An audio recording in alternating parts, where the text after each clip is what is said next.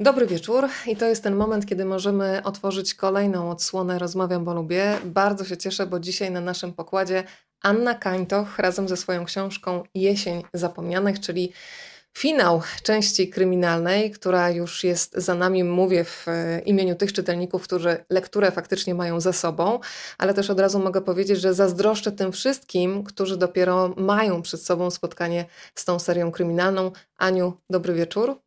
Dobry wieczór. My będziemy dzisiaj słuchać Cię i spotykać się z Tobą w różnych miejscach w Polsce i na świecie i tradycyjnie proszę Państwa o to, żebyście się nam tutaj meldowali. E, te wirtualne pozdrowienia to jest trochę taki odpowiednik realnego uścisku dłoni i przesyłu dobrej energii. E, pozwólcie, że zacznę od e, przedstawienia Ani Kańtoch. Ja przede wszystkim jestem bardzo wdzięczna Magdzie z wydawnictwa Marginesy, że podsunęła mi tę lekturę, bo przyznaję z ręką na sercu, że spotkanie z tą serią kryminalną Ani Kańtoch to jest moje pierwsze literackie spotkanie z tą autorką i już wiem, że nie ostatnie, bo Ania dołączyła do tych pisarzy i pisarek, na których kolejne książki będę czekać z niecierpliwością. Pochłonęłam trzy książki, o których sobie dzisiaj będziemy rozmawiać rozmawiać, czyli wiosnę zaginionych, lato utraconych i pokazywaną już Państwu jesień zapomnianych w ekspresowym tempie. To oczywiście czytelnicza zachłanność, ale też, a nie też, a przede wszystkim ogromny talent Ani, e, za co dzisiaj jej już teraz e, bardzo dziękuję. Ania jest z wykształcenia orientalistką e, i o tym dzisiaj też trochę porozmawiamy. Jest laureatką wielu nagród. Ja przypomnę między innymi nagrodę wielkiego kalibru, która trafiła w jej ręce za wiosnę zaginionych. Tych nagród było znacznie więcej, ale myślę, że dużo więcej Wam powie rozmowa z samą autorką, więc jeżeli chodzi o etykietki, to ten etap zamykam i zaczynamy rozmowę. Ania, dzisiaj bardzo bym chciała, żebyśmy się skupiły na tym, żeby podsycić apetyt e, na Twoje książki. E, więc zacznę może trochę przewrotnie od tego, że dzięki jesieni zapomnianych mm, podsyciłaś mój apetyt w takim sensie bardzo dosłownym na kuchnię śląską. Przyznaję ci się, że sprawdzałam niektóre potrawy w menu. Powiedz, czym jest karminadle? Co się kryje za tym słowem? Bo ja jestem dziewczyną z Rzeszowa, do tej pory nie słyszałam, a teraz chcę spróbować. A jeżeli się nie mylę, to, są, to jest coś w rodzaju mielonych. Jeżeli w tej chwili jakiś ktoś bardziej tak, znający tak. się na kuchni śląskiej mnie poprawi, to, to, to oczywiście, że tak powiem, ale mam wrażenie, że tak, że to jest po prostu rodzaj mielonych. E, przyznaję, że też bardzo smakowicie zabrzmiało w moich uszach, bo lubię sobie też czytać czasami na głos e, taka pozycja jak brydzol ze smażonymi ziemniakami. E, tam też były takie słodkie propozycje. Zastanawiam się, jak to jest w trakcie pisania.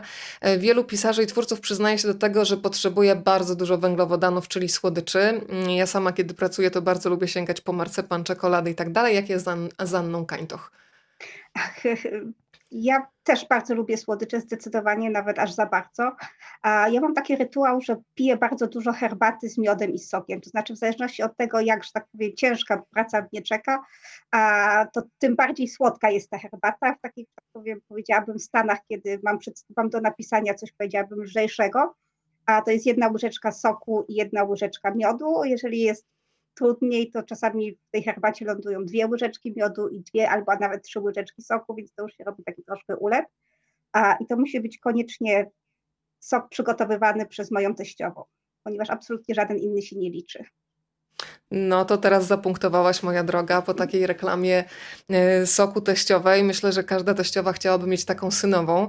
E, powiedziałaś o tym słodkim smaku. No to faktycznie zacznę od tego, bo słodki smak no nie kojarzy mi się z kryminałem. Ten kryminał mi się kojarzy z takim mrokiem i zawsze się zastanawiam, co jest taką motywacją do zaglądania w takie mroczne zakamarki naszej duszy? Od razu powiedziałam dzisiaj w filmie zapowiadającym nasze spotkanie, że bardzo lubię takie kryminały, jakie ty tworzysz, czyli y, tam nie potrzebujemy żadnych fajerwerków, nagłych zwrotów akcji, tylko to zło jest takie bardzo sąsiedzkie.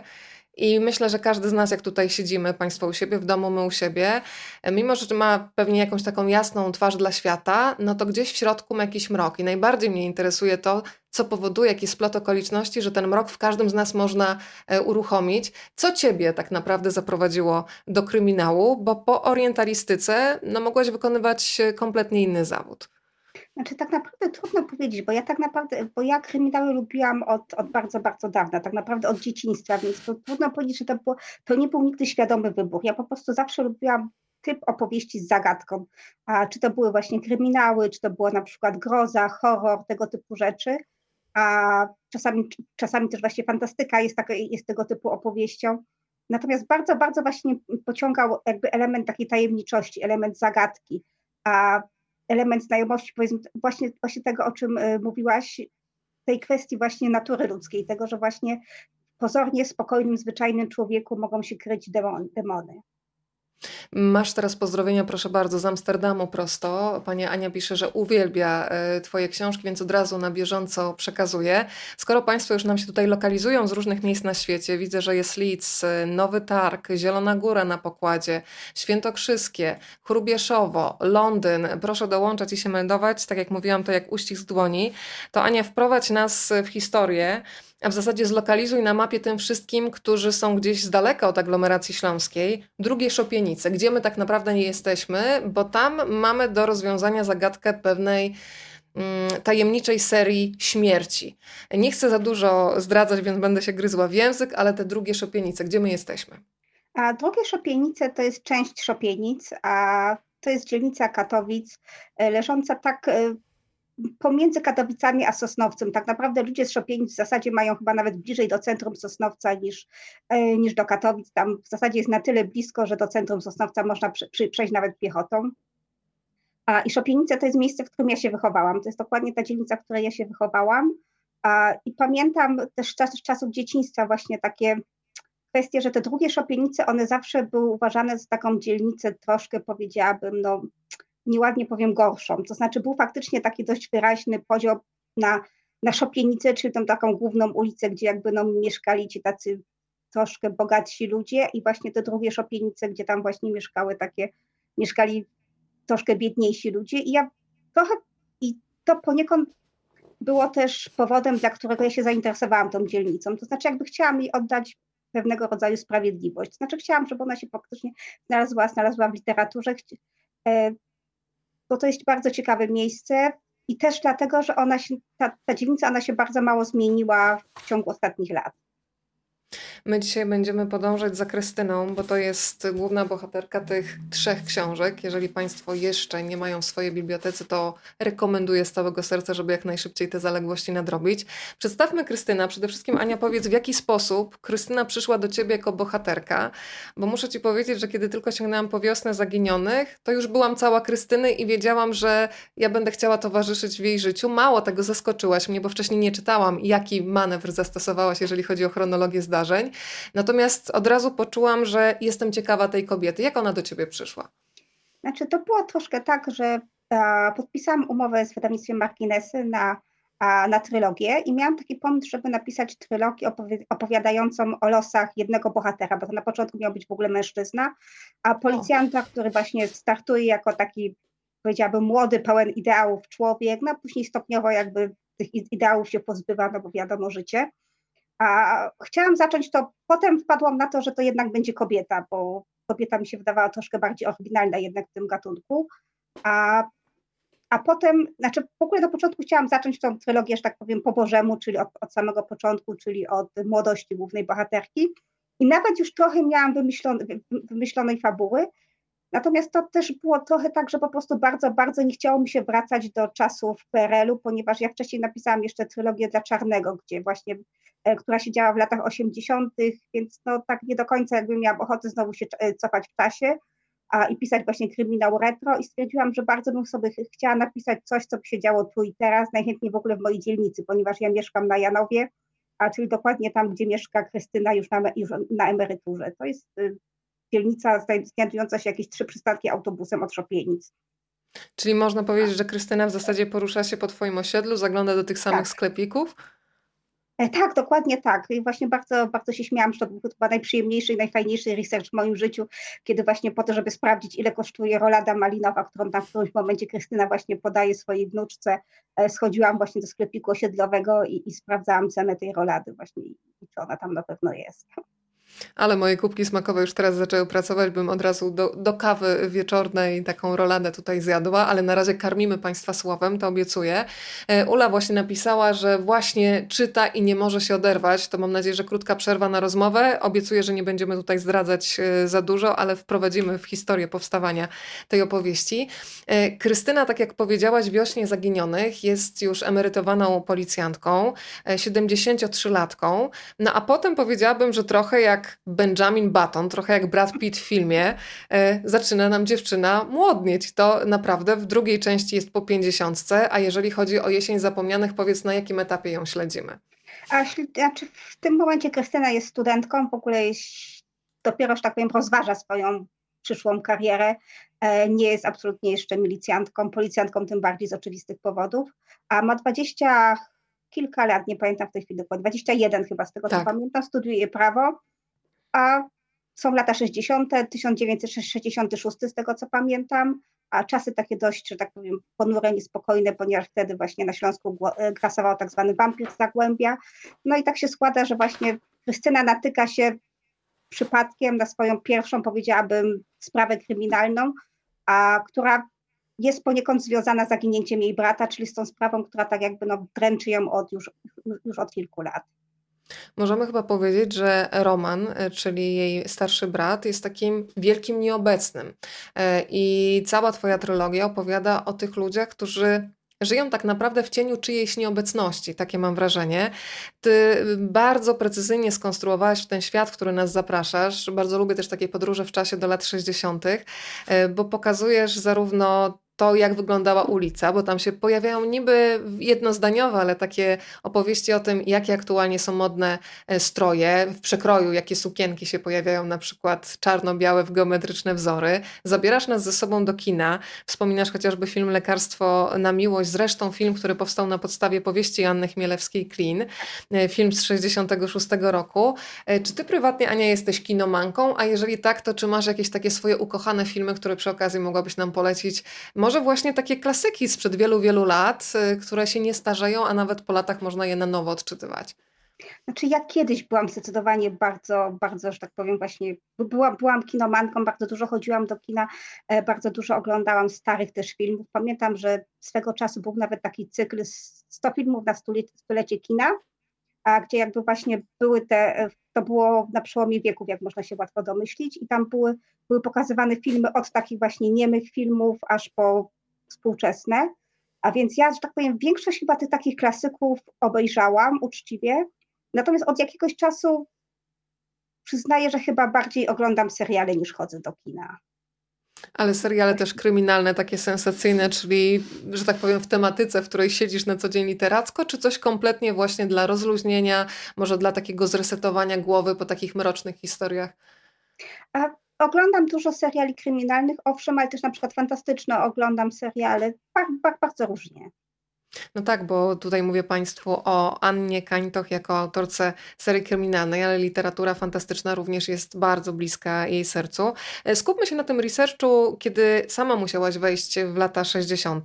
Tak jak wspomniałam, wspominasz o kinie, o literaturze, o modzie. E, jesteśmy też na ulicach e, katowickiej katowickich, jesteśmy na katowickich ulicach, tam między innymi się Wartburgi, wchodzimy do redakcji gazet, gdzie słychać stukot maszyn i faktycznie pokazujesz taki świat, o którym już nie myślimy, bo on gdzieś zaginął. Który z tych elementów był dla Ciebie najprzyjemniejszy? Tworzenie właśnie tej warstwy kulturalnej, pracy, e, tego jak wyglądało życie na ulicy. Co Cię najbardziej wciągnęło? To znaczy, dla mnie chyba najbardziej wciągające było jednak odtworzenie tej takiej atmosfery, znaczy ja jej oczywiście nie znam, natomiast tej takiej atmosfery właśnie lęku przed wampirem z Zagłębia. Nie wiem, to jest, to jest takie moje pierwsze skojarzenie właśnie z latami 60. na, e, na Śląsku, więc ja bardzo mi zależało na tym, żeby faktycznie ta atmosfera tam była taka właśnie taka, taka powiedziałabym zawiesista, że faktycznie i, i, i jest taki niepokój społeczny, że, że, że coś właśnie takiego się dzieje, że tutaj jest jakiś niebezpieczny człowiek i trzeba się przed nim chronić. A ja to znam z opowieści moich rodziców, głównie właśnie mojej mamy, która dużo wspominała o tym, jak to, jak to wtedy wyglądało, właśnie o tych kobietach odprowadzanych e, do domów przez mężczyzn, które tam był, był, taki moment, kiedy właśnie praktycznie kobiety nie chodziły same po ulicach, bo właśnie zawsze albo mężowie po nie przychodzili, albo, albo, właśnie, albo właśnie ktoś z rodziny, kiedy na przykład, nie wiem, autobus, autobusy były podstawiane pod zakłady pracy, żeby te kobiety mogły bezpiecznie dotrzeć do domu, więc no, rzeczywiście była taka, taka atmosfera paranoi, takiej lęku, której chyba niczego podobnego jakby w Polsce przynajmniej nie kojarzę. Tak, ty, wspominasz oczywiście o Zdzisławie Marchwickim i mm, Krystyna, bo ona jest narratorką, mówi o tym, że była na procesie w katowickich zakładach e, cynkowych Silesia, e, no i patrzyła w twarz e, mordercy i znowu mamy takie spostrzeżenie, że wydaje nam się, że zobaczymy potwora, znowu to zło ma twarz sąsiada każdego z nas tak naprawdę mo można by tutaj podłożyć. Państwo komentują, e, pani Ula napisała, drogie panie, miałam już nie nieść, a tu takie tematy, o karminadle myślę, że chodzi. Mhm. E, tak, tak, e, ale będziemy też zaostrzać przede wszystkim apetyt na czytanie. Mam nadzieję, że uda nam się to zrobić skutecznie. Ania, to powiedzmy mm, trochę o Krystynie w tych latach 60. Ona jest studentką, jest dziewczyną, która w czasie liceum straciła brata. No właśnie straciła. Bardzo mocne jest to zdanie, kiedy ona mówi coś takiego. Tamtego dnia przekonałam się, jak okrutnie brzmi określenie zaginął, gdzieś w pół drogi między nadzieją a krańcową rozpaczą. Czułam się, jakby los całej naszej rodziny zależał od rzutu monetą. Mamy wycieczkę młodych ludzi, myślę o bracie Krystyny. Młodzi ludzie wyruszają w Tatry. No i z tej wycieczki tak naprawdę wraca jedna osoba. Zastanawiam się, czy ty bazowałaś na jakiejś sprawie autentycznej, którą potem obudowałaś fabularnie, e, czy to był pomysł, który powstał tylko i wyłącznie w twojej głowie? A to znaczy, troszkę inspiracją była dla mnie e, tragedia z lat dwudziestych w Tatrach, a gdzie właśnie pewna rodzina wyruszyła w góry. To była taka sprawa Kaszniców chyba, tak? To było jeszcze... Tak, kurator Kasznica, a jego żona, dwunastoletni syn oraz taki właśnie młody taternik, który zgodził się ich prowadzić przez te góry. I tam właśnie była y, dość podobna sytuacja, to znaczy w pewnym momencie jakby a trzy osoby zmarły, w zasadzie z nieustalonych do dzisiaj tak naprawdę do końca przyczyn. Jedna osoba, czyli właśnie żona tego prokuratora, zeszła z tych gór i jakby opowiadała przebieg tego wszystkiego, co się tam działo, natomiast jakby a wszystko się opierało tylko i wyłącznie na jej słowach. I do dzisiaj tak naprawdę nie do końca wiadomo, co tam, co tam się wydarzyło. E, ta kobieta naprawdę miała ciężko, ponieważ ona była podejrzewana wręcz o to, że ona otruła tych wszystkich ludzi, ponieważ no, taka tajemnicza śmierć a w górach i trochę, trochę jakby właśnie czerpałam z tej historii. To jest bardzo ciekawe, jak czerpie się właśnie z wydarzeń autentycznych i potem y, dodaje się, zmienia, myli tropy.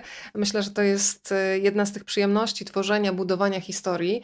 Y, Ania, zastanawiałam się dzisiaj jeszcze nad tym, jeżeli ktoś zacznie swoje spotkanie z Tobą od właśnie Jesieni Zapomnianych, tutaj patrzę na tytuły, żeby nie pomylić, czyli od finałowej części Twojej trylogii kryminalnej, to w zasadzie, tak sobie myślę, że jeżeli zacznie od e, jesieni i będzie wracał do lata i wiosny, to chyba też w drugą stronę da się tę serię czytać i w zasadzie nie straci się. No jak to? Można zrobić, odwrócić kolejność, bo to jest taki bardzo ciekawy eksperyment. Znaczy ja chciałam, żeby tak było, natomiast na ile mi się to udało, to, to już muszą czytelnicy ocenić. A wydaje mi się, że troszkę można stracić, ponieważ e, no, tutaj chyba nie będzie jakiegoś duże, dużego spoileru, bo tego, bo tego myślę, myślę, że jednak wszyscy się spodziewali, że ta sprawa brata Krystyny już zostaje w dużej mierze wyjaśniona w tej trzeciej części. E, natomiast więc jakby tu później już jakby nie będzie takiego napięcia związanego z tą tak. sprawą. A natomiast to też jest tak, że jakby ta każda z tych, z tych książek opowiada też jakby o innej sprawie, o czymś innym, więc tutaj jakby no, myśl, myślę, że można to czytać od końca. Od końca tak, albo tak. od początku, w zależności od tego, jak, jak na to patrzeć. Tak jak powiedziałaś, w każdej z tych części jest inna zagadka kryminalna, ale tajemnica rodzinna faktycznie sprzed lat, e, no faktycznie będzie dużo bardziej trzymać w napięciu, jeżeli e, przeczytamy, jak to powiedziałaś, po Bożemu, czyli zaczniemy od tak. E, wiosny zaginionych, potem lato utraconych i jesień zapomnianych, ale Ania, nie tylko ja, ale też inni pisarze i czytelnicy domagają się tak naprawdę zimy, bo żyjemy w Polsce, mamy cztery pory roku i teraz pozwól, że przytoczę taką inwokację Irka Greena, który na napisał y, tak, do ciebie w taki sposób. Anno Kańtoch, gwiazdo i nadziejo polskiej powieści kryminalnej, w imieniu historii literatury apeluję. Nie kończ tego cyklu. Jeśli ostatnia część jest najdojrzalsza i najbardziej wciągająca, tak właśnie jest w wypadku Jesieni Zapomnianych, to autorowi nie wolno tak postąpić. No więc y, pytanie, które muszę zadać, czy nadejdzie zima, czy odwołujemy taką literacką porę roku?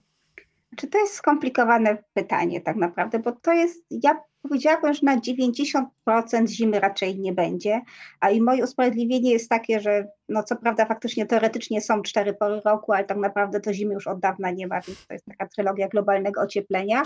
A natomiast to też jest, to też jest troszkę tak, że ja chciałabym sobie zostawić taką malutką, malutką furteczkę, że, żeby jednak jak, jak przyjdzie mi właśnie jakiś pomysł do głowy, to żeby, żeby, żeby ta zima była Natomiast to wtedy będzie tak, że ta zima będzie taką jakby troszkę z boku, taką, taką po prostu takim sidewellem, nie wiem, nie wiem, czy to jest właściwe, właściwe wyrażenie, ale będzie po prostu tak jakby obok trochę tej historii. Będą ci sami bohaterowie, będzie Krystyna, natomiast jakby już nie będzie na przykład tego wątku brata właśnie.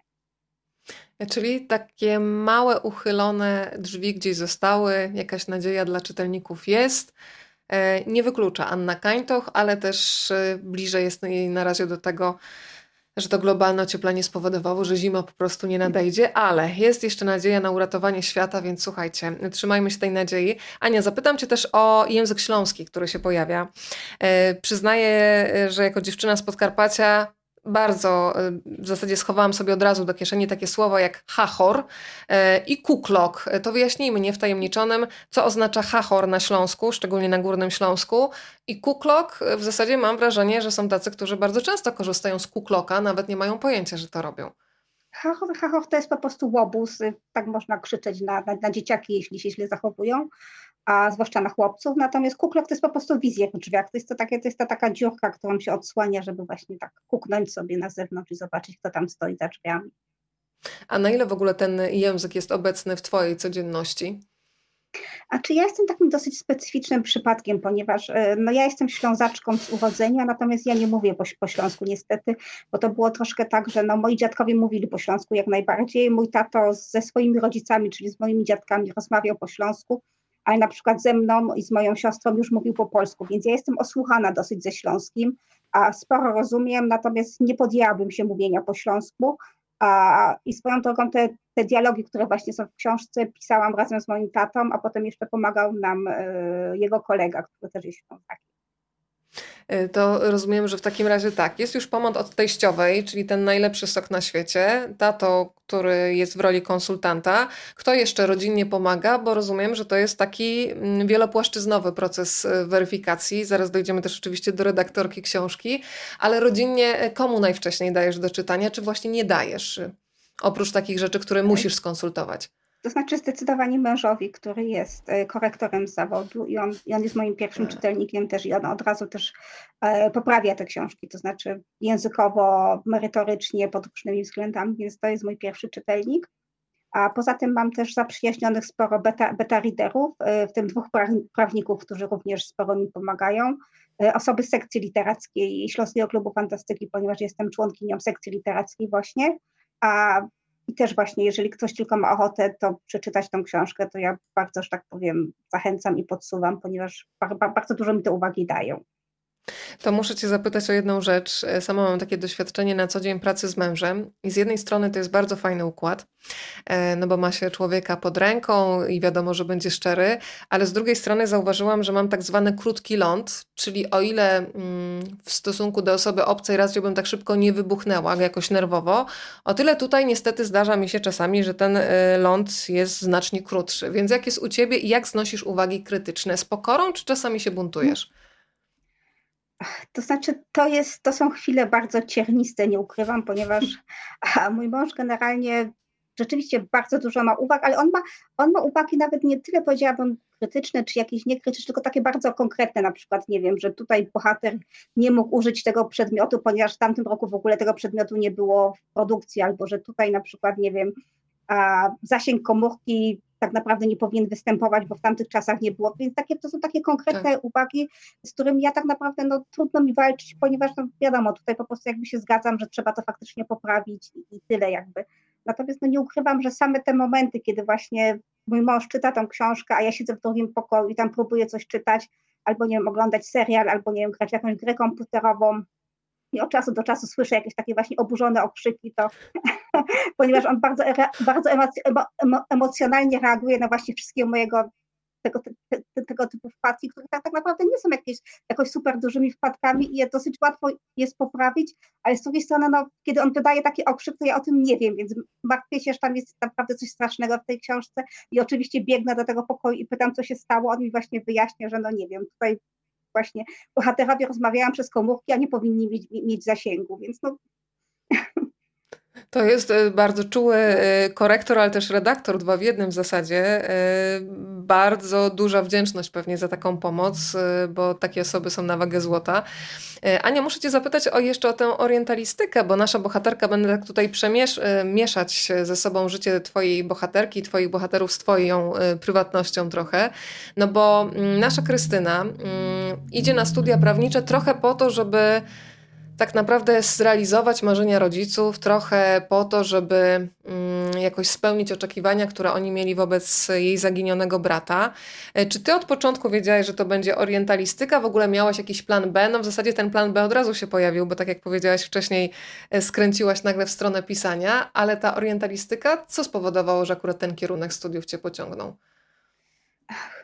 Znaczy, podejrzewam, że odpowiedź będzie dosyć mało pochlebna dla mnie, ponieważ ja poszłam na orientalistykę, a potem były łatwe egzaminy. To znaczy się zdawało dokładnie to samo, co na maturze, nie musiałam się już niczego więcej uczyć.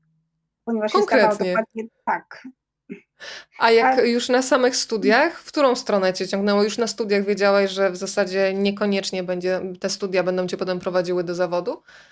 Znaczy tak, dość szybko się zorientowałam, że faktycznie jakby chyba nie będę niczego więcej, jakby nie będę pracować w tym zawodzie, nie będę arabistką czy orientalistką, jakby nie będę, nie wiem, ani tłumaczyć książek, ani nie wiem, niczego w tym rodzaju nie będę robić.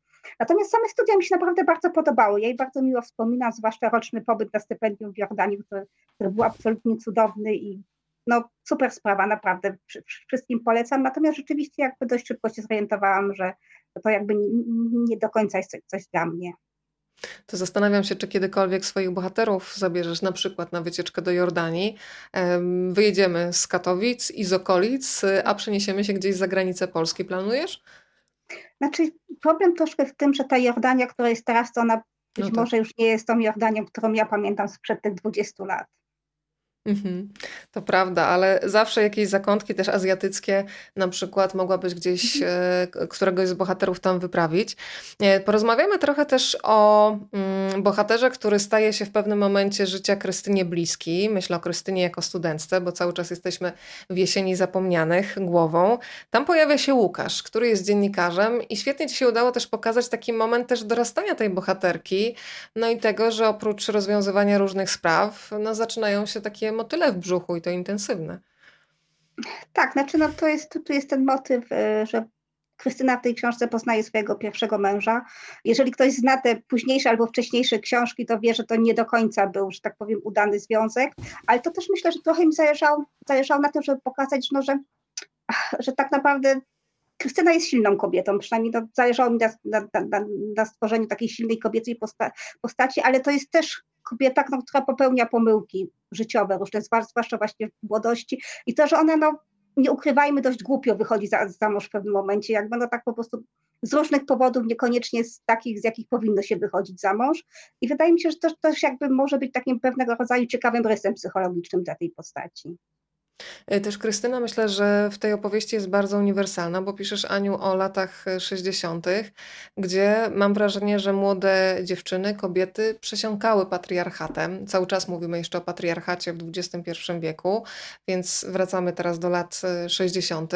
I ona ma w sobie taki bunt chyba przeciwko temu, żeby kobieta była taką osobą, która tak naprawdę dba o organizację domu, dzieci, jest taką super ogarniaczką, ale gdzieś kompletnie jakaś zawodowa część jest y, zostawiona na boku. Ona się przeciwko temu buntuje. Od początku wiedziałaś, że ją postawisz w takiej kontrze do czasów, w których żyła. Tam zresztą e, piszesz w świetny sposób o tym, że to jest takie pokolenie, które Mm, no jest już pokoleniem powojennym. Rodzice tych młodych ludzi marzą o tym, żeby oni po prostu żyli w pokoju, żeby na ich głowy nie spadały bomby, żeby mieli wykształcenie i to jest w zasadzie wszystko.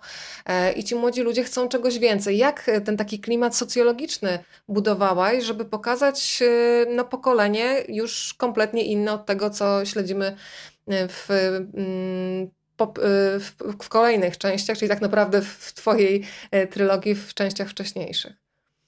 Znaczy ja myślę, że zależy na tym, żeby pokazać, że faktycznie Krystyna z jednej strony się jest taką trochę buntowniczką, a, ale z drugiej strony też chyba na nią właśnie to wpływa, jakby te wszystkie właśnie to, czego się od niej oczekuje, też wydaje mi się, że to, że ona właśnie wyszła za mąż, to też jakby była trochę jakby właśnie kwestia tego, że no, a to zresztą później, później, później w którejś z tych późniejszych książek, tam zresztą też to zaznaczałam, że ona wyszła za mąż dlatego, że po prostu no, trochę dlatego, że jakby wszyscy się, wszyscy się tego po niej spodziewali w pewnym momencie, jakby, że no, to, to już po prostu jest taki wiek, kiedy jakby no, kobiety wychodzą za mąż, więc okej, okay, ona też wyszła za mąż. Natomiast też, też, też jest taką osobą, która nie da się zamknąć właśnie w tym takim kręgu właśnie dzieci, tylko pracy domowe i tak dalej, ale z drugiej strony też na przykład żyje w takim trochę powiedziałabym, nie wiem, kompleksie starszego brata, który ma, ona ma cały czas jakby taką wizję, że ten starszy brat był taki, nie wiem, doskonalszy od niej, że ona właśnie poniekąd musi mu dorównać. To też wydaje mi się dość, dość takie charakterystyczne. Bardzo też lubię Twoje zdanie, które pada w pewnym momencie jesieni zapomnianych, że tak naprawdę zaglądamy do takich domów, w których pod tą sterylną czystością e, kryje się rozpacz, której nie wymieciono z kątów. To są takie domy pełne milczenia, powiedziałabym, że y, to są takie domy, w których też ludzi nie nauczono okazywania uczuć i rozmowy na temat uczuć. Zresztą piszesz o takich piersiastych e, kobietach, e, takich konkretnych śląskich, które tak naprawdę wyrażają swoje uczucia, mam wrażenie, karmiąc innych, bo tutaj też się pojawia ten motyw śląskiej kuchni, że to pokolenie powojenne ono ma problemy z emocjami i to też ci się udało niby między wierszami, ale fantastycznie tak oddać, że po prostu się e, to wszystko e, czuje. Powiedz, w jakie lokalizacje nas jeszcze zabierasz? Powiedziałam tutaj o drugich e, szopienicach, ale gdzie jeszcze w jesieni zapomnianych będziemy razem z, z tobą, razem z Krystyną tak naprawdę podczas lektury? To znaczy na pewno jest kawałek wpisany w Tatrach, znaczy dziejący się w Tatrach, ponieważ tam właśnie historia wraca do, do zaginięcia Romka, czyli brata Krystyny. A usiłuję sobie teraz przypomnieć, czy tam właśnie coś było oprócz, oprócz drugich szopienic i Tatr. Chyba Katowice, Sosnowiec. To, tak. to, to, są generalnie te rejony, w których się właśnie dzieje fabuła. E, drodzy Państwo, Państwo już tutaj wywierają pewne naciski na autorkę. Ja już po lekturze trylogii i czekam na zimę. To tutaj jakieś grupy lobbyingowe myślę, że zaczęły powstawać. E, Ania, powiedz z którym elementem historii miałaś największy problem? Bo myślę sobie, że to wymaga jednak e, takiego wypośrodkowania, żeby taką samą uwagę przykładać do tej tajemnicy historii, ale jednocześnie do budowania intrygi. jak ty to balansujesz, żeby cały czas ten czytelnik miał w głowie zaginioną historię brata, ale z drugiej strony, tak jak w przypadku jesieni zapomnianych, myślał o takiej tajemniczej serii śmierci, gdzie cały czas się zastanawiamy, czy to były samobójstwa, czy ktoś komuś pomógł. Jak o to dbasz, jak dbasz o taką równowagę? Tak, znaczy no nie ukrywam, że to faktycznie było trudne, ponieważ no tutaj są tutaj są dwie zagadki. Tu nie, jest jedna, nie, ma jednej, nie ma jednej zagadki, natomiast są, są dwie, czyli jest, jest właśnie ta, ta sprawa, którą Krystyna rozwiązuje ze swoim przyszłym mężem, czyli z Łukaszem, no i jest właśnie sprawa zaginięcia jej brata Romka. A one się do pewnego stopnia ze sobą wiążą, ale tylko do pewnego stopnia, więc y, musiałam właśnie zadbać o to, żeby to jakoś przeplatać między sobą. Przyznaję, nie miałam jakoś dokładnego, szczegółowego planu, to było tak bardziej instynktownie robione. E, nasza Krystyna też przyznaje się do tego jako studentka, że jako młoda dziewczyna bardzo często korzystała z biblioteki, wypożyczała innymi Agatę Christie. No i mam pytanie, Ania, czy, czy to jest trochę Twoja historia i jak często Ty dziś na przykład wypożyczasz coś z biblioteki, a jeżeli wypożyczasz, to jakie tytuły? Ach, nadal wypożyczam dużo z biblioteki, chociaż już, już mniej niż, niż w poprzednich latach, ponieważ teraz ja sporo czytam a na Kindle, sporo czytam e-booków po prostu e, więc książek papierowych już troszkę mniej. Natomiast tak, nadal, nadal mi się zdarza wypożyczać książki z biblioteki, a w tej chwili chyba głównie kryminały. E, z Biblioteki Śląskiego Klubu Fantastyki oczywiście pożyczam fantastykę. Polecam Państwu swoją drogą. W tym klubie, z tego co pamiętam, Ania, ostatnio rozmawiałaś z Łukaszem Wojtusikiem, prawda? W alfabecie Wojtusika. Z tak, przyjemnością tak. Podsłuchałam, dołączyłam się do Waszej rozmowy. E, też trochę o tym klubie tam e, wspominacie. Drodzy Państwo, to jest też zawsze bardzo dobry moment, żeby dołączyć się ze swoimi pytaniami. Zawsze Państwo są pełnoprawnymi uczestnikami tych spotkań. Ania, ja bym chciała, żebyś jeszcze przynajmniej trochę opowiedziała o Łukaszu, o tym dziennikarzu pracującym dla wieczoru. Zróbmy taki rys psychologiczny tego bohatera, bo to jest specyficzny chłopak. Może się podobać, ale też bywa momentami bardzo irytujący e, i przez to tak mocno się człowiek z nim też emocjonalnie związuje. E, to znaczy, zależało mi na stworzeniu takiej postaci, która jest jest pociągająca w tym sensie, że to jest człowiek, który ma mnóstwo uroku osobistego i jakby potrafi bardzo bardzo, bardzo daleko zajść właśnie na, na, jakby używając tego uroku osobistego, ale też poniekąd mu to czasami szkodzi, bo jakby jest przyzwyczajony do używania tego uroku, uroku, osobistego, a czasami jakby no niekoniecznie jakby a, potrafi, znaczy niekoniecznie właśnie wszystko, wszystko można osiągnąć wyłącznie dzięki urokowi osobistemu. To jest też poniekąd postać, wydaje mi się, że trochę jakby sprzeczna, ponieważ on z jednej strony jest takim człowiekiem, który, e, który jest, powiedziałabym, słabszy od Krystyny psychicznie, ponieważ jemu ewidentnie jakby imponuje właśnie to, że, że, Krystyna jest taką silną kobietą, ale z drugiej strony są też momenty, kiedy on potrafi się zdobyć na to, żeby właśnie pokazać jednak jakiś tam charakter i siłę, a relacja pomiędzy nim a Krystyną jest taka, powiedziałabym, dosyć, dosyć, nie wiem, też skomplikowana, no bo z jednej strony e, Krystyna nie jest w ogóle kobietą w jego typie. To jest właśnie taki mhm. mężczyzna, który ja sobie to tak wyobrażam, lubiłby, lubiłby właśnie ładne kobiety. Taki pozer znaczy, trochę, prawda? Takie, lubiłby kobiety, które są bardziej uległe, które jakby bardziej, że tak powiem, okazują, a nie wiem, zachwyt tym jego urokiem. Natomiast Krystyna okazuje się jakby no, poniekąd niewrażliwa na te jego takie typowe wdzięki. Znaczy w pewnym sensie jest wrażliwa, wiadomo, ale jakby no, nie jest taką typową właśnie kobietą, e, z którymi on wcześniej jakby flirtował. I to mu imponuje. I on z jednej strony właśnie bardzo go pociąga, Krystyna, a on jest irytowany tym, tym, że ona go pociąga. Ja sobie tak wyobrażałam cały czas, że to jest taka po prostu taka, takie przyciąganie i odpychanie troszeczkę w tym momencie. Więcej nie zdradzamy, żeby Państwo osobiście mogli tę e, relację odkrywać. E, kolejny tutaj głos i zgłoszenie. Ja też czekam na zimę. Pani Ania się zgłaszam. Mam nadzieję, e, że jednak będzie. Drodzy Państwo, Anna Kańtoch dziś u Państwa w domu. Jeżeli chcecie się podzielić tym spotkaniem, nic prostszego. Wystarczy nacisnąć guziczek udostępnij na swojej facebookowej osi czasu i ta rozmowa będzie również dostępna, dostępna dla Państwa znajomych i przyjaciół. Ania, kiedy myślałam sobie tak zbiorowo o wszystkich y, trzech częściach Twojej opowieści, to w zasadzie mm, pomyślałam sobie, że to jest historia o tym, że nadzieja czasem potrafi zabijać. Nie wiem, czy się z tym zgodzisz. Czy, czy, aż zabijać? Nie wiem. Znaczy nadzieja, nadzieja poniekąd jest straszna. Nadzieja jest straszna, ponieważ no, czasami faktycznie okazuje się, że lepiej, lepiej byłoby stracić tą nadzieję lata lata wcześniej, niż właśnie żyć tą nadzieją i na końcu gdy się okazuje, no, że jakby ta, ta nadzieja po prostu zawiodła. E, kolejne pytanie już e, od Państwa. Gosia e, pyta, czy dzieli Pani aktywność literacką między dwa gatunki? Drugim jest fantastyka. Jak Pani to godzi literacko? Wyobrażam sobie, Ania, że chyba fantastyka jest trudniejsza, bo musisz stworzyć świat, dla którego nie ma odzwierciedlenia. Ty nie możesz zobaczyć czegoś w lustrze, tylko musisz bardzo precyzyjnie, ale to jest tylko intuicja. Nie wiem, jak to działa. To znaczy, poniekąd z jednej strony jest trudniejsza, z drugiej strony jest łatwiejsza. To zależy, zależy od, y, od kontekstu tak naprawdę. A wydaje mi się, że w kryminałach trudniejsza jest fabuła, bo właśnie trzeba to wszystko jakoś tak ładnie pospinać, żeby, żeby, żeby to po prostu zagrało na końcu. Natomiast w fantastyce faktycznie jakby trudniejsze jest samo tworzenie świata. To jest odpowiedź dla pani Gosi. E, teraz bardzo bym chciała, żebyśmy porozmawiały troszeczkę o takim bohaterze, który jest bardzo istotny, chociaż nie wybija się na plan pierwszy, Wacław Nowrotek, czyli emerytowany starszy sierżant sztabowy, który w pewnym momencie pomaga młodym w śledztwie. Zastanawiam się, Ania, jak często po twoje książki e, sięgają właśnie funkcjonariusze, policjanci i jak się do nich odnoszą?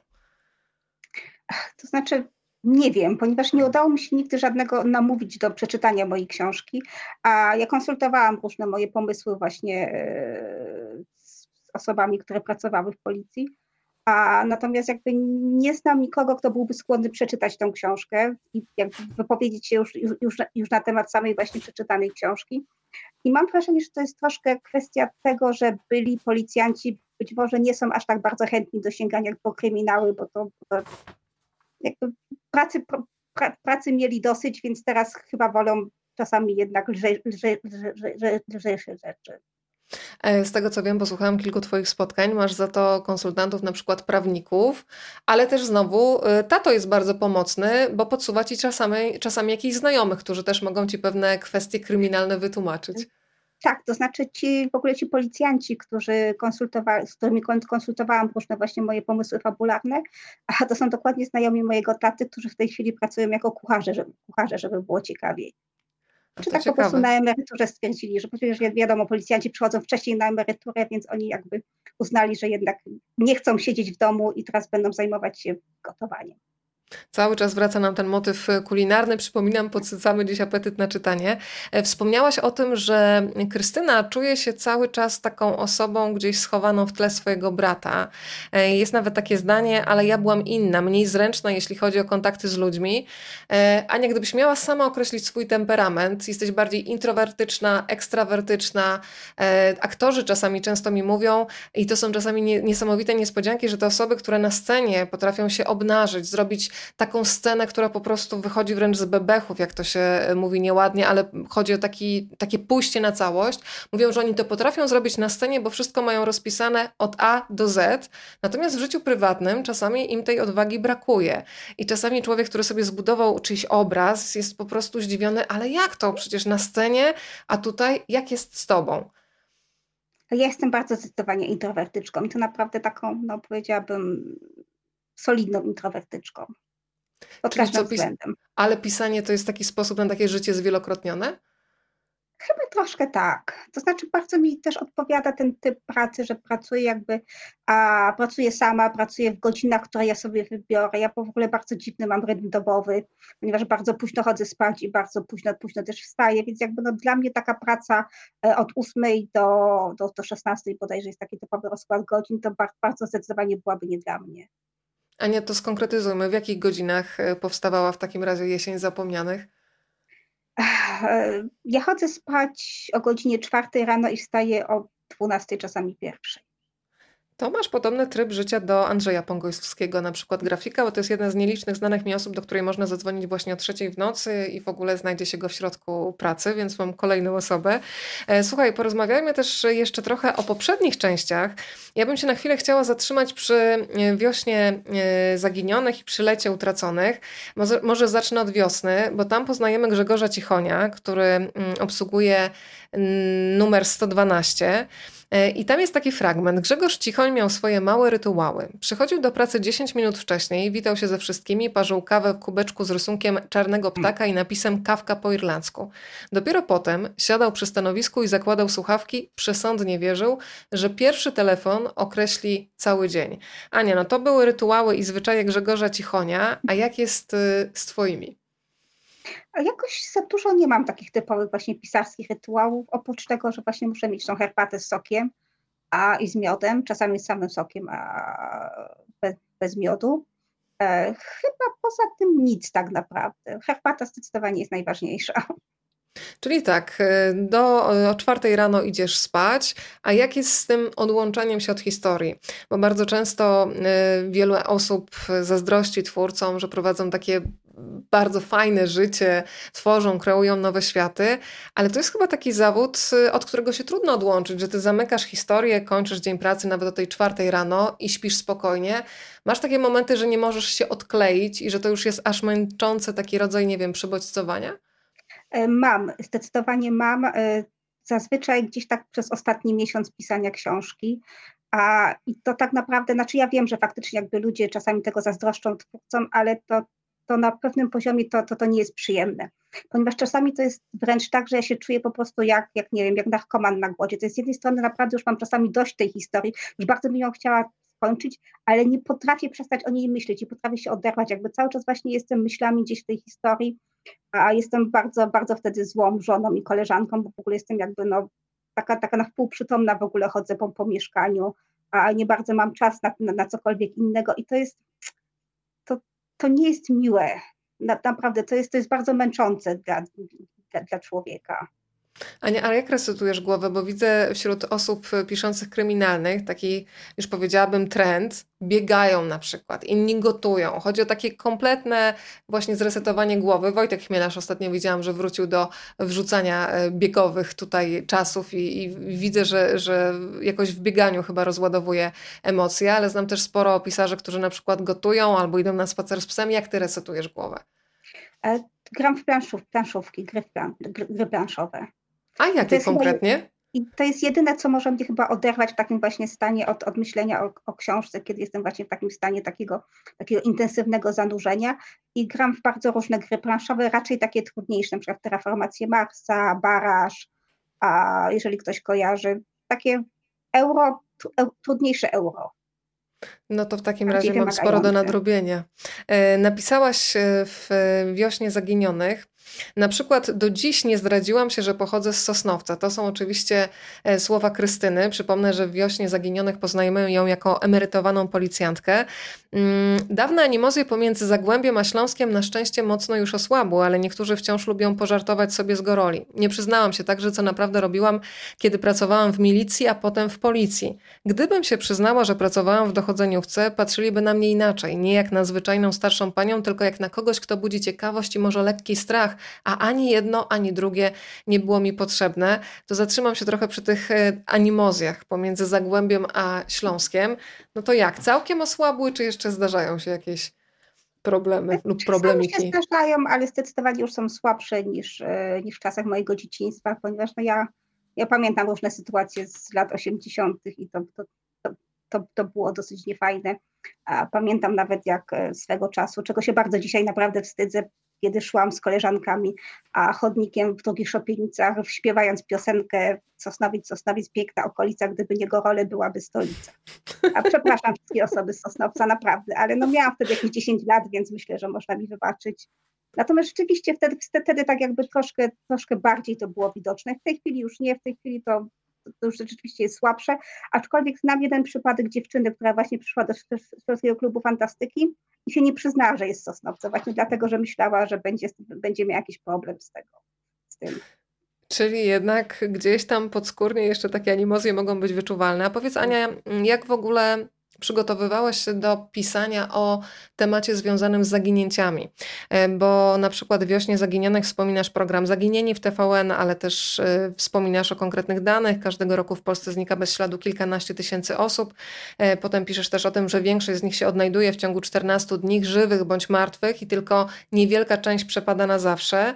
Jak głęboko musiałaś sięgnąć, jeżeli chodzi o research, żeby oddać właśnie wiarygodnie temat tego no, strasznego zawieszenia bliskich którzy zostają.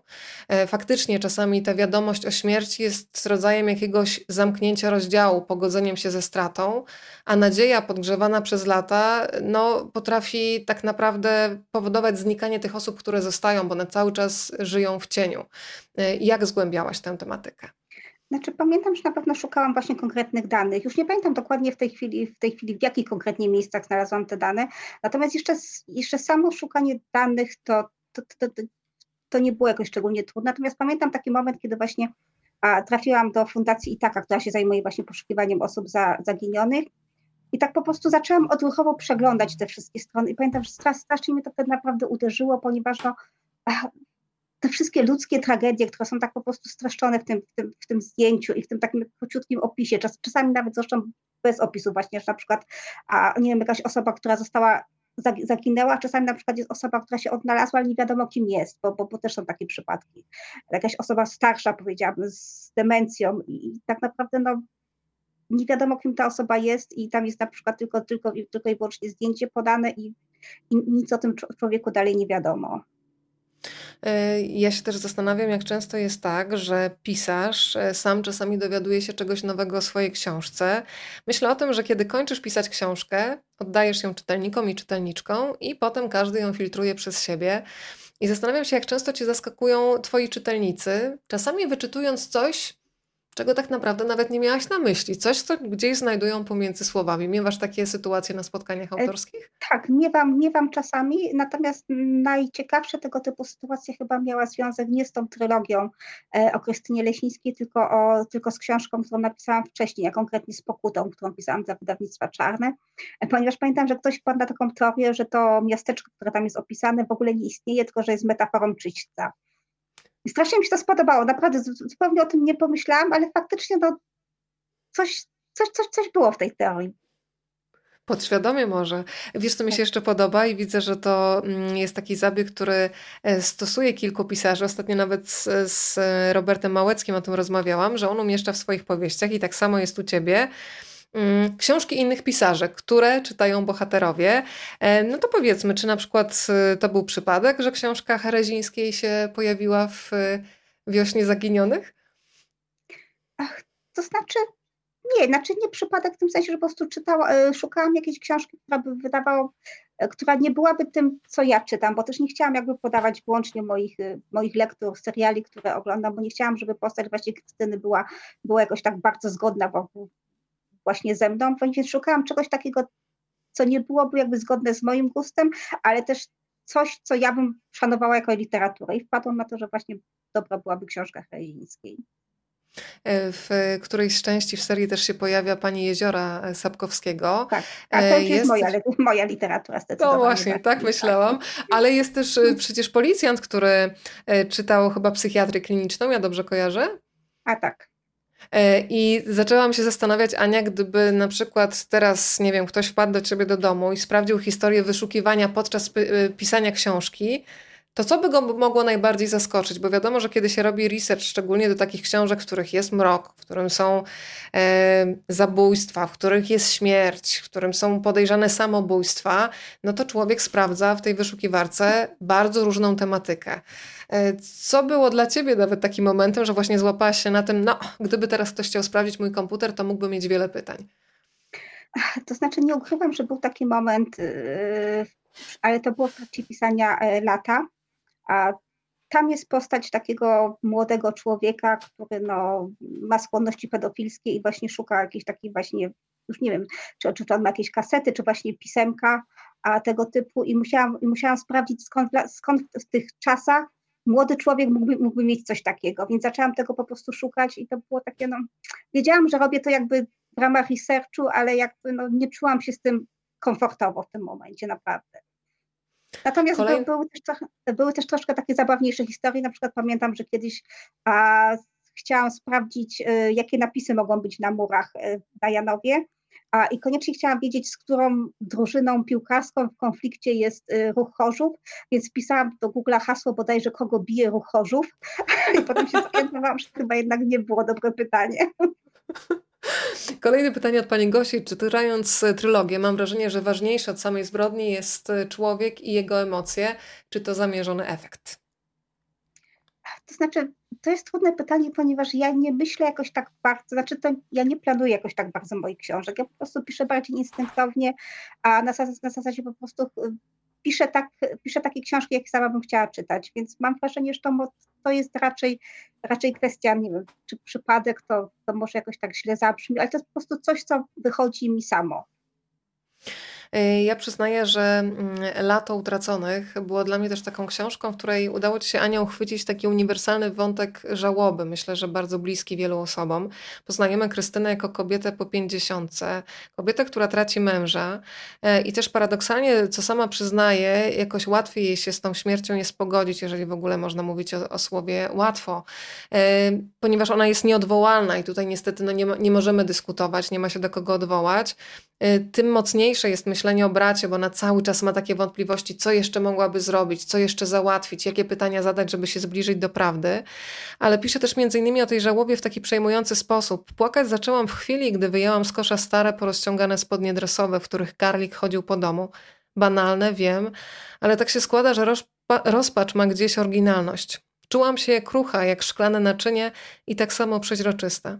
Jakby każdy mógł zajrzeć mi do środka i zobaczyć tam coś, z czego istnienia sama nie zdawałam sobie sprawy. E, ta śmierć sprawiła, że zaczęłam częściej myśleć o Romku, bo na odejście Karlika nic nie mogłam poradzić, a na zaginięcie brata być może.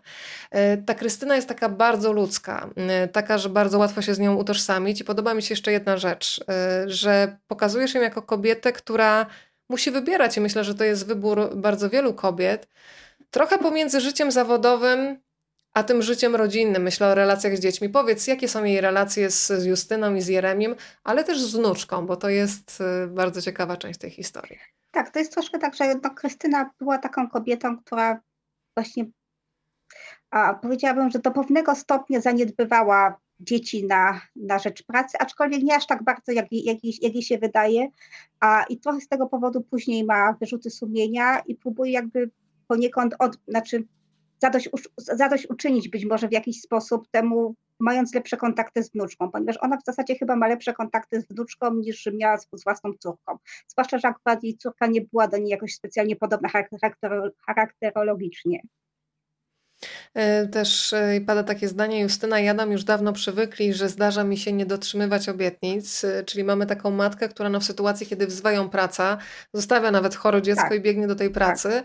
ale to pokazuje, że no w sytuacji, kiedy masz pasję, faktycznie może dzisiejszy świat chce nam stworzyć taką iluzję, że można być fantastyczną mamą i pracowniczką mhm. roku, a ty pokazujesz, że no wszystko ma jakieś konsekwencje i zawsze się płaci jakąś tak. cenę. I Krystyna mam wrażenie, że ona jest tej ceny świadoma. Czasami nawet mam wrażenie, że jest nawet za bardzo surowa dla siebie, prawda? Tak, znaczy też mi się wydaje, że to jest być może też kwestia tego, no, że tak jak, tak jak zresztą wcześniej mówiłam, że to jest kobieta, która no, próbuje jakby trochę, jakby, znaczy trochę, bardzo, bardzo, bardzo, więcej niż trochę jakby wyjść poza te ograniczenia, ale z drugiej strony to, jeszcze, to, jest, to jest też osoba, nie zapominajmy, urodzona w 45 roku, w 45 roku.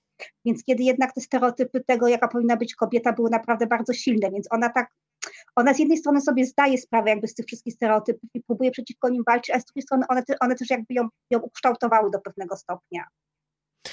Yy, skoro mówisz o tym też, jak się zmienia wszystko, jeżeli chodzi o czasy, to jest takie zdanie ćwierć wieku temu. Zaczynałam pracę jako jedyna kobieta w wydziale pełnym napakowanych po uszy testosteronu facetów i nie tylko przetrwałam, udało mi się nawet awansować, więc ona naprawdę musiała walczyć o swoją pozycję. E, kiedy dzisiaj obserwujesz ten świat policyjny, to jak jest e, z pozycją kobiet? Na ile e, one nadal muszą wkładać czasami no, dużo więcej energii niż panowie, żeby ktoś w ogóle traktował je poważnie, tak zapytam. Znaczy, wydaje mi się, że to nadal jest bardzo męski zawód, e, natomiast nie aż tak bardzo jak kiedyś. Wydaje mi się, że w tej chwili jednak kobiety mają, e, mają zdecydowanie łatwiej niż w latach 90. czy, czy jeszcze 80., wtedy kiedy, czy 70. zresztą, bo wtedy mniej więcej Krystyna, Krystyna zaczynała swoją pracę. A natomiast nadal, nadal to jest, wydaje mi się, bardzo męskie środowisko. Ania, y, mam taką intuicję, że bardzo dużą wagę też przykładasz do bohaterów drugo, a czasami trzecioplanowych, y, bo my przechodząc przez kolejne części opowieści, zaczynamy rozumieć ich zachowania, y, zaczynamy rozumieć, dlaczego są wycofani czego się boją. Jak sobie rozrysowujesz te postacie, które czasami się pojawiają na chwilę? Czy to jest tak, że dobrze, czytelnik dostaje jakąś część opowieści, ale ty w głowie masz ułożoną taką drabinkę, jacy byli jego rodzice, jakie lubi zapachy, na ile masz taką mm, opowieść rozbudowaną w głowie, której tylko część wchodzi do, do książki, do środka? Znaczy faktycznie jest tak, że ja o swoich bohaterach wiem więcej niż y, zamieszczam w książce, natomiast to też nie jest tak, że jakże znam całe ich życiorysy, a znam różne właśnie szczegóły, które, o których myślę, że one mogły jakby ukształtować te postaci, ale których później, później nie ma w książce. To, to zapytam jeszcze o taki detal. E, jak powstają imiona i nazwiska bohaterów? No bo zgodzisz się, że czasami coś od razu siedzi w głowie, kiedy się przeczyta na głos i pasuje do bohatera, a czasami szukasz i, i po prostu jesteś zagubiona. Ostatnio widziałam, że Kasia Bonda wrzucała e, na Facebooku taki wpis, że nawet potrzebuje pomocy i szuka imienia i nazwiska dla no bardzo takiego czarnego charakteru, który ma się pojawić w jej książce. Jak ty dobierasz? No bo w pewnym momencie wydaje się, że to jest drobnostka no ale to nie jest drobnostka, bo albo wierzysz w, w czyjeś imię i nazwisko w jego charakter, albo jakoś tak ten bohater jest nie do końca dla ciebie prawdziwy. Znaczy mnie się zdarza wymyślać, nie ukrywam, nazwiska, yy, imiona, znaczy im, imion nie wymyślam, ale po prostu przychodzą, przychodzą mi do głowy jakby i łączy, łączę je z nazwiskami. A czasami szukam po prostu na liście jakby najpopularniejszych nazwisk polskich, ale też parę osób, zwłaszcza z tej ostatniej książki, czyli z jesieni, kiedy szukałam takich nazwisk typowo śląskich, to szukałam na, e, to, to szukałam na przykład wśród powstańców śląskich. Mhm. Bo można znaleźć w internecie listę, więc sobie tam przejrzałam i sobie parę nazwisk wybrałam. No faktycznie, bo też musisz y, dopasować te nazwiska do czasów, o których y, piszesz. Y, ja przyznaję, że mm, bardzo mi też imponuje ta cała warstwa socjologiczna, którą budujesz w książkach. Jest taki dialog, wie pani, że prawie połowa małżeństw rozpada się po śmierci albo po zaginięciu dziecka i to są takie konkretne fakty i liczby, które przekazujesz gdzieś między wierszami. E, rozumiem, że zaczynając książkę, która tak naprawdę jest zbudowana na tajemnicy zaginięcia, miałeś też jakieś wyobrażenie na temat tego, jak ludzie znikają, kiedy się odnajdują. Czy był taki moment kompletnego zaskoczenia, czyli coś, co sobie wyobraziłaś, a potem na przykład, tak jak wspominałaś o Itace, rozmawiasz z ludźmi i okazuje się, że są fakty, które cię kompletnie zaskakują.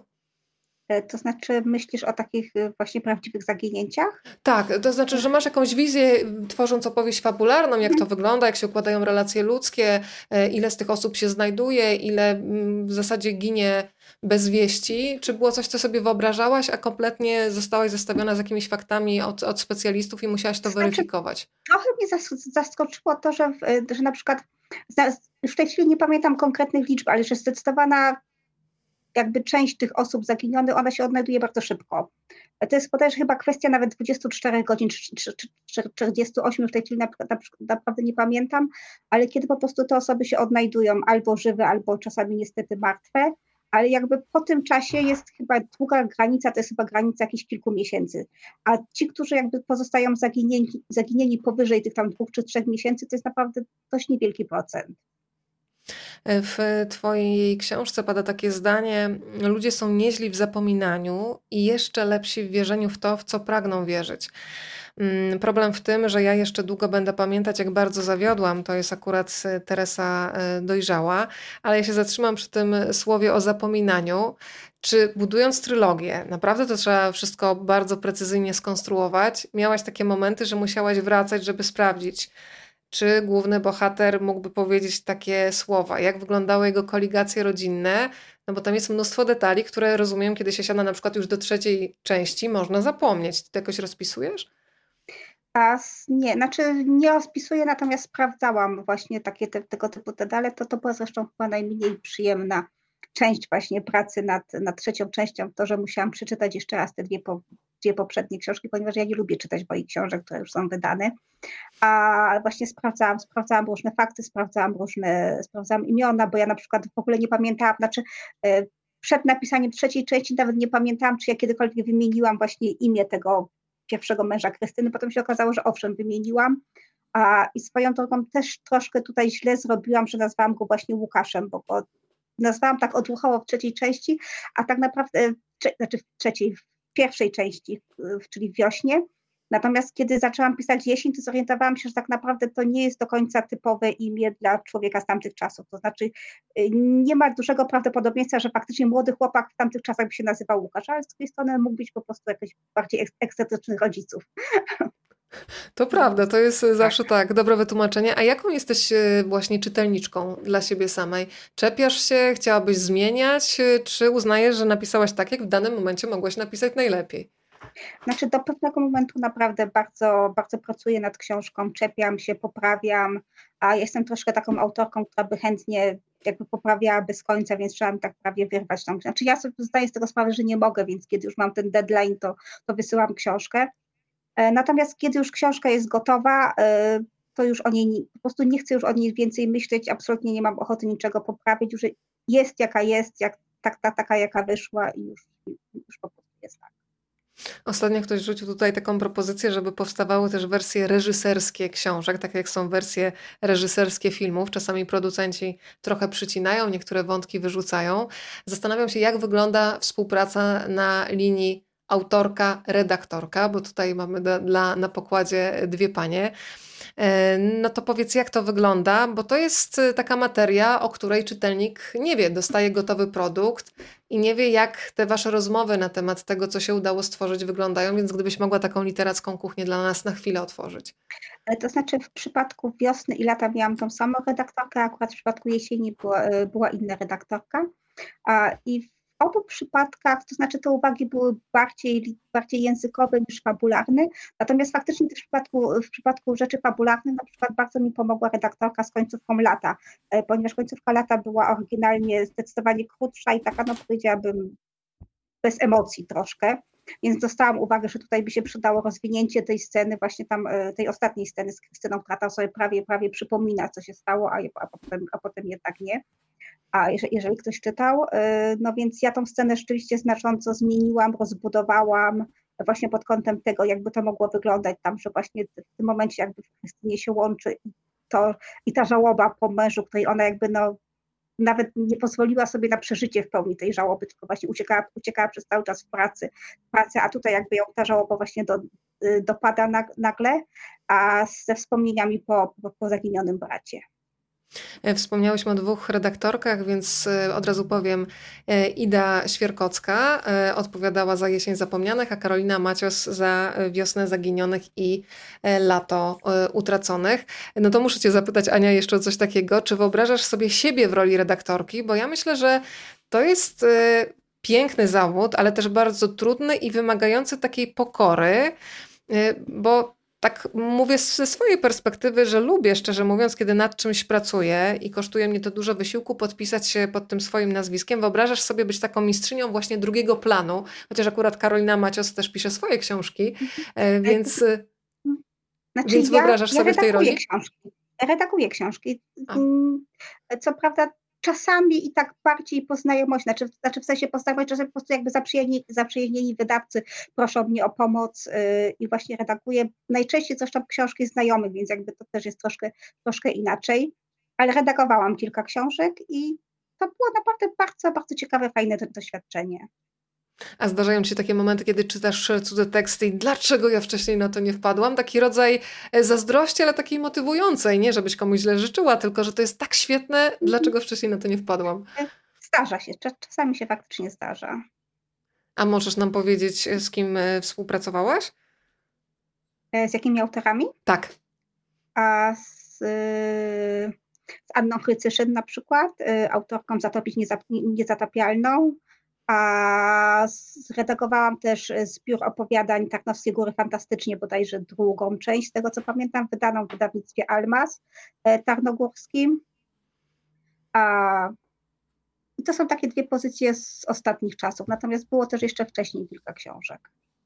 Ania, a jak jest y, według Ciebie mm, z takim talentem do pisania? Czy każdego można nauczyć pisać? Bardzo mi się podobało w tej rozmowie, której wspominałam, z którą, e, którą przeprowadził z Tobą Łukasz Wojtusik, o tym, że Wy się w tym klubie swoim na Śląsku spotykacie i w zasadzie rozmawiacie o swoich tekstach i to jest chyba najlepszy test, e, kiedy na temat opowieści mogą się wypowiedzieć wszyscy i bardzo mi się podoba to, co podkreślałeś, że w zasadzie niezależnie od stażu, nagród, i doświadczenie. Jak to wygląda w praktyce? Każdy może przyjść się zgłosić?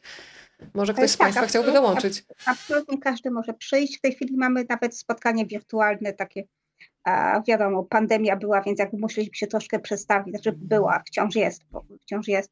Więc jakby też oprócz spotkań takich właśnie normalnych na żywo, zrobiliśmy też taką możliwość, że można do nas dołączyć przez Discorda. Jeżeli więc ktoś e, mieszka, nie wiem, na drugim końcu Polski, to absolutnie nie musi przyjeżdżać do Katowic po to, żeby wziąć udział w naszym spotkaniu. Może właśnie dołączyć w tej formie. I to jest tak, że to dokładnie, dokładnie tak jak mówiłeś, że absolutnie niezależnie od tego, czy ktoś coś napisał, czy wydał, każdy może przyjść się wypowiedzieć, nie wiem, 14-latek piszący swojego pierwszego fanfika a i autor, nie wiem, z 20-letnim stażem, który ma na koncie ileś tam książek napisanych, są traktowani dokładnie tak samo. A według Ciebie najważniejsze cechy charakteru, które powinien mieć twórca, taki, który właśnie zabiera się za literaturę kryminalną, to? Umiejętność logicznego myślenia i wyobraźnia? Chyba tak. E, co ciekawe, ja ostatnio odkrywam autorów e, powieści kryminalnych, filozofów, bo to też uczy e, takiego precyzyjnego i mhm. logicznego myślenia. To teraz poznajmy jeszcze przez chwilę Anię Kańtoch jako czytelniczkę. Mm, no i na chwilę zostańmy w tej branży kryminalnej. Kogo z polskich autorów, za chwilę wyjedziemy za granicę, cenisz najbardziej i dlaczego? Od razu podrzucaj nam tytuły, po które warto sięgnąć. A znaczy ostatnio, ostatnią książką, którą przeczytałam, e, była najnowsza książka Wojtka Chmielarza. Mam nadzieję, że w ogóle wolno mi się chwalić tą książką, a ponieważ dostałam ją troszkę przed terminem, a jej jeszcze zwyczajni czytelnicy, że tak powiem, nie mają, czyli Długa Noc właśnie Wojtka Chmielarza. Bardzo, bardzo polecam, naprawdę świetna jest. A więc tego autora bardzo, bardzo cenię.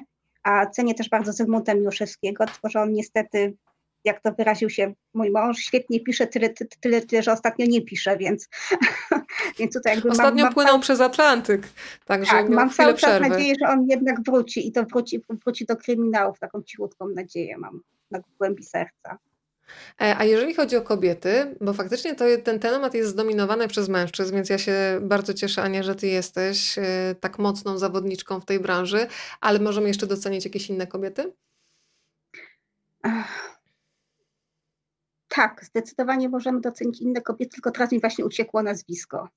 Ja wiesz co, słyszałam i bardzo się ucieszyłam, jedną ci podpowiem, bo to, to były twoje słowa, bardzo się ucieszyłam, bo też bardzo lubię tę autorkę, Ania Fryczkowska, nie wiem czy dalej Tak, potwierdzisz. tak, Anna, Anna Fryczkowska bardzo, bardzo lubię jej prozę, natomiast ona pisze takie, takie kryminały z pogranicza kryminału, Tak. a jest jeszcze, jest jeszcze y, Katarzyna Kwiatkowska, nie wiem czy Mhm. e, autorka pisząca kryminały retro dziejące się w Księstwie Poznańskim. Absolutnie doskonała autorka, którą naprawdę uwielbiam, z tym, że ona też napisała chyba cztery książki i od jakiegoś czasu już milczy, ni, niestety milczy. Mam, A- mam, mam nadzieję, że nie pomyliłam nazwiska. Jeżeli tak, to bardzo przepraszam autorkę. Ania, piszesz tak, że Twoje słowa uruchamiają w głowie bardzo wyraźne obrazy. E, Kiedy będziemy mogli zobaczyć e, tę literac- te literackie pory roku, czyli wiosnę, lato, jesień i cały czas wszyscy trzymamy książkę za zimę na ekranie filmu? Czy, czy coś na ten temat możemy zdradzić? To znaczy, to są jakieś takie luźne plany, ale prawdę, powiedziawszy, one w tej chwili nie są na takim etapie, że ja mogłabym cokolwiek mówić, niestety. Czyli na razie siedzimy i trzymamy kciuki, No. tak? Zobaczymy, co z tego będzie. To e, powiedzmy jeszcze trochę o tych męskich e, postaciach. Tutaj bym chciała się chwilę na aspirancie Szymonie Grydze skupić.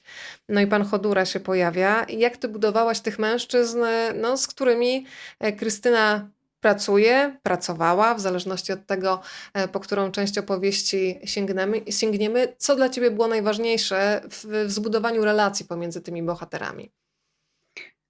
To znaczy, Hodura to jest taki typowy, powiedziałabym, poniekąd policjant, który, no, a policjant bardziej, powiedziałabym, starej daty niż nowej, natomiast Szymon odwrotnie, to jest taki człowiek, który, powiedziałabym, bardzo chciałby już być takim, powiedziałabym, nowszej daty policjantem, ale jakby cały czas właśnie na nim ciąży taki troszkę cień tego jego ojca, który, ponieważ on miał ojca, który był policjantem, który był właśnie takim człowiekiem starej daty, a więc on jest jakby taki troszkę, troszkę, troszkę właśnie na granicy. I tutaj, tutaj też chciałam w tej postaci pokazać taki, powiedziałabym, poniekąd konflikt y, tego starego z nowym. A natomiast Chodura to jest taki dosyć, dosyć typowy policjant, tak, tak, tak mi się przynajmniej wydaje. Który jeżeli na przykład Krystynę, Krystynę szanuje, ponieważ ona jakby pokaz, pokazała, pokazała mu swoje umiejętności. Znaczy ona po prostu zdobyła sobie jego szacunek tym, że faktycznie jakby no potrafiła wykonywać dobrze swoją pracę e, policjantki i to dla niego jakby wystarczyło, żeby po prostu zdobyć, zdobyć, zdobyć sobie, sobie jego szac- szac- szacunek. E, Ania, za Wiosnę Zaginionych, czyli za książkę, która otwierała serię, o której dzisiaj rozmawiamy, otrzymałaś nagrodę wielkiego kalibru. E, Jak w ogóle przyjmujesz nagrody? Tak jak e, wspomniałam, nagroda wielkiego kalibru to nie jest jedna nagroda, którą masz na koncie. Ja tylko przypomnę jeszcze chociażby nagrodę kryminalnej piły, ale też to, że jesteś pięciokrotną laureatką nagrody imienia Janusza Zajdla. Jak przyjmujesz e, takie nagrody i jak często dostajesz takie prywatne wiadomości od pojedynczych czytelników, nie od kapituły, e, i, i jak one mocno się zapisują na takim twardym dysku w Twoim sercu i w głowie?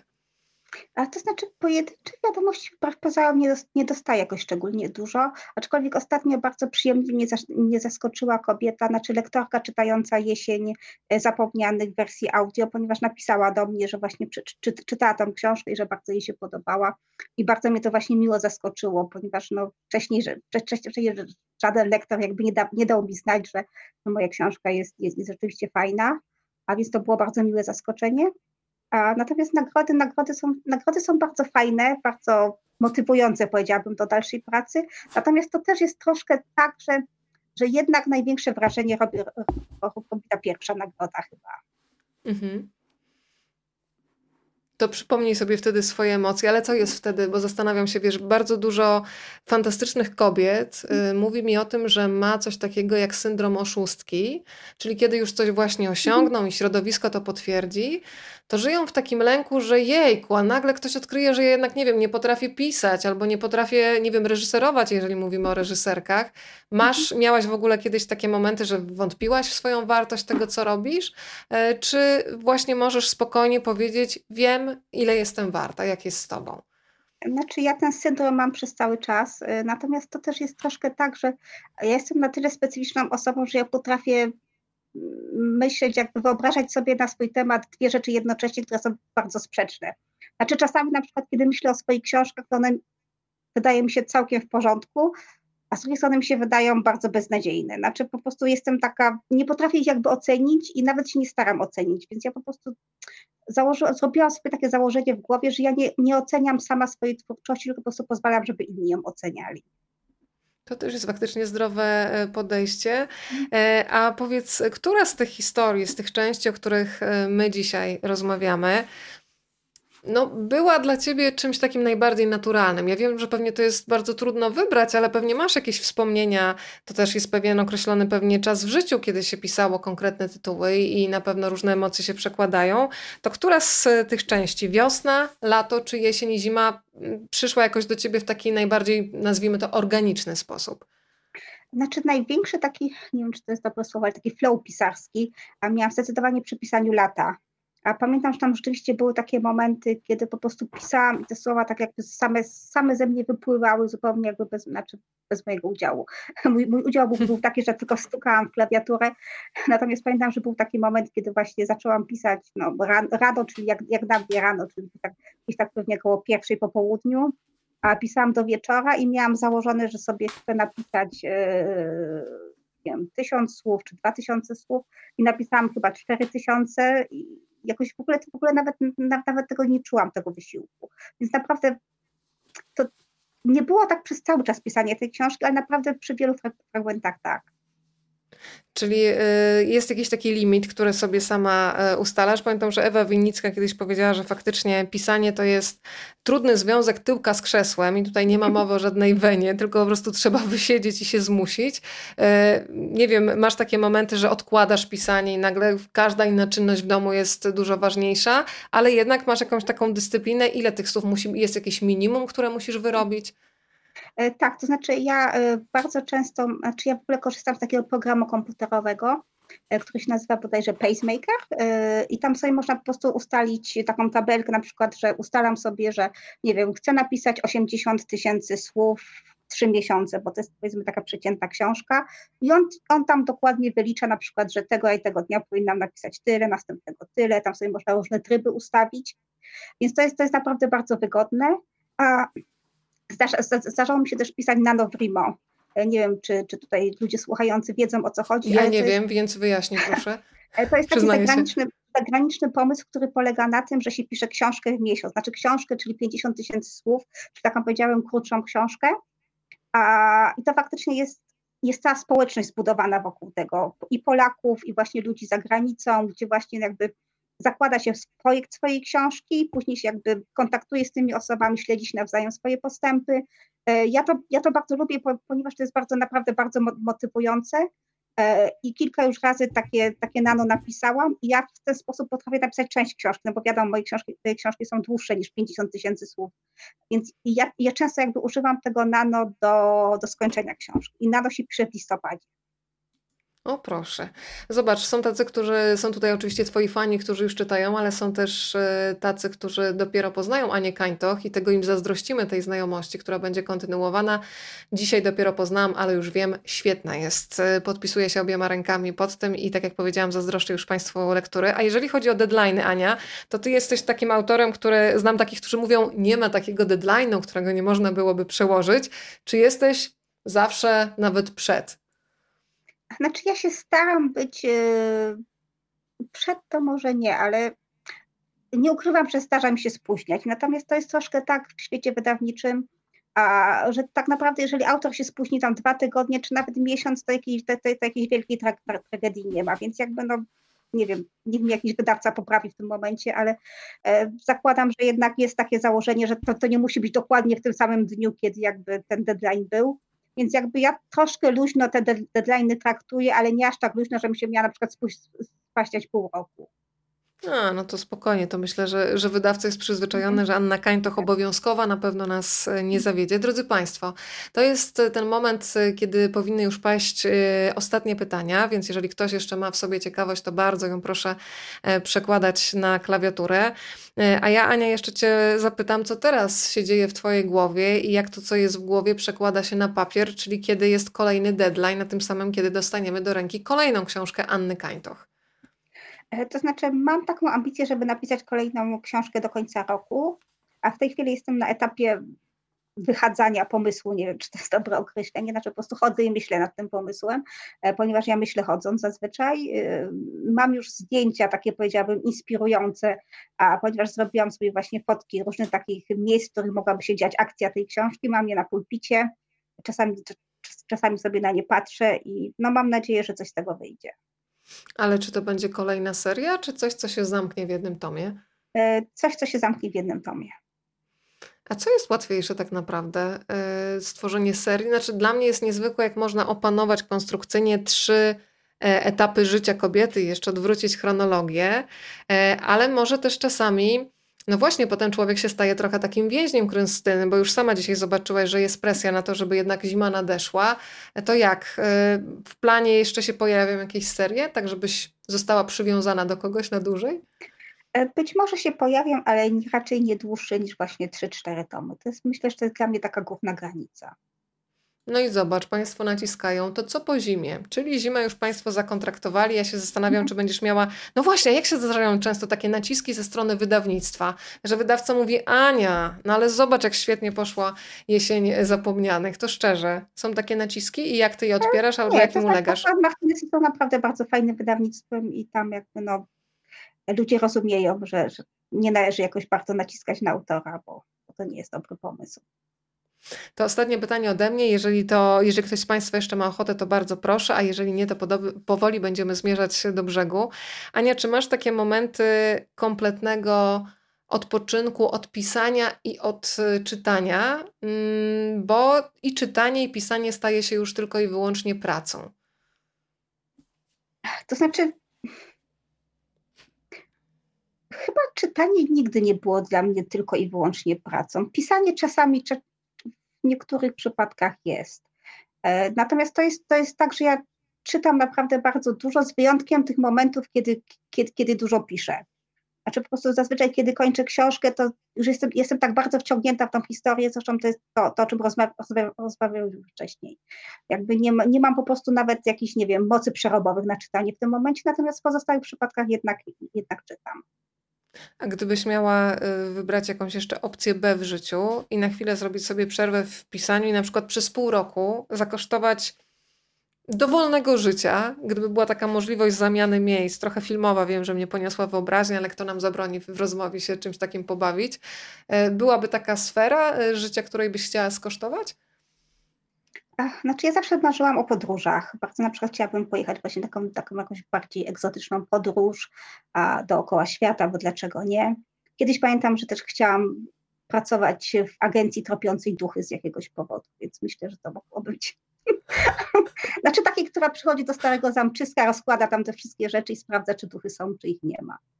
To jest ciekawe, słuchaj, wakacje z duchami przed nami. Tutaj Adam Bartaj do mm. nas e, wraca. Ania, pięknie Ci dziękuję za spotkanie. Dla Państwa mamy książki od wydawnictwa Marginesy, więc jeszcze Ania poproszę Cię o e, dwa numery od jednego do dziesięciu i ja zaraz Państwu podam e, maila, pod który będę czekać na Państwa e, próby zdobycia książki, bo Ania tutaj uzgodni, które maile e, w jakiej kolejności zostaną nagrodzone. Dwa numery Cię poproszę od jednego do dziesięciu. 7 i 9.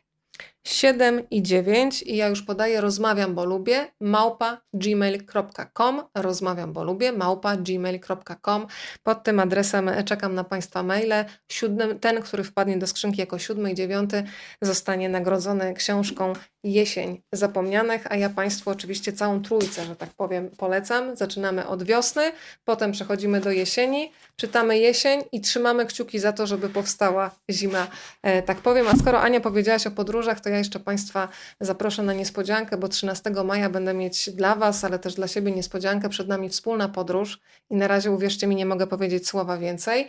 W piątek, w piątek 13 swoją drogą, ale ja to traktuję tylko jak dobrą wróżbę. Wystartuje trasa Rozmawiam, bo lubię bliżej. Szczegóły obiecuję wkrótce. Ania Kańtoch dzisiaj była razem z Państwem.